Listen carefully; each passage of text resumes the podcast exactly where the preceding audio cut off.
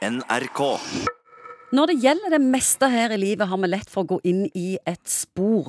Vi gjør ting som vi alltid pleier, treffer de samme menneskene og gjør de samme tingene. Har de samme samtalene, tenker de samme tankene.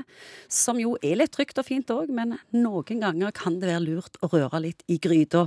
Og en av disse grytene det kan være lurt å røre i, er den som inneholder nettverk. Psykolog Egon Hagen. Ja, Dette er et typisk eksempel hvor det gjelder å, å skynde seg litt langsomt. fordi at eh, det er jo sånn at Nettverket vårt kan jo noen ganger virke glødende interessant, og så er det perioder hvor du opplever at hva sitter jeg egentlig igjen med i forhold til vedkommende, eller hva, hva er på en måte temperaturen i relasjonen. Det er viktig, tror jeg, å tenke at uh, ting kommer og går, litt sånn, det går i bølger. og Jeg tror at disse sosiale sammenhengene og disse flokkene våre er viktige. sånn at det må, det må liksom ligge i bunn, tror jeg, for, for det vi skal si videre. Hvorfor er de så viktige? Ja, De er viktige fordi det plasserer oss i en sammenheng, og det er viktig fordi de er med og bærer noen historien om deg, sett gjennom andres blikk, og de har kanskje vært der lenge. Og så er det på en måte det å Jeg tror folk som blir overivrige og skal liksom bare rydde og styre på, det kan bli mye armer og bein og veldig mye turbulens. Så vi må skylde oss litt langsomt.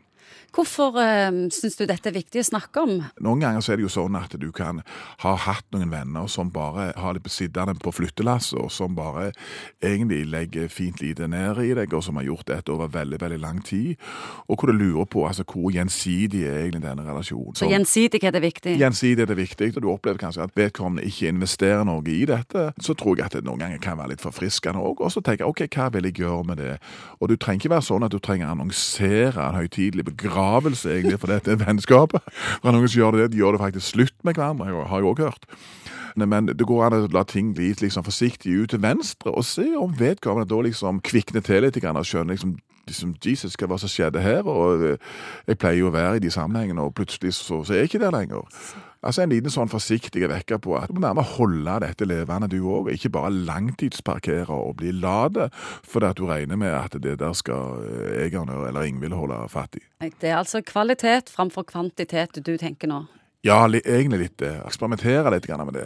Grunnen til jeg tar det opp, er at jeg ser at mange sitter med noen nettverk som gitt en stund lurer på hvordan altså Tilfeldigheten har gjort at jeg havna med disse folka, egentlig. Og noen ganger er det òg nødvendig å riste litt forsiktig i dette, for å se litt hvem er med på reisen videre, og hvem er klar for nye muligheter det er jo det der på en måte å være litt aktivt forvaltende i forhold til hvordan livet ditt ser ut.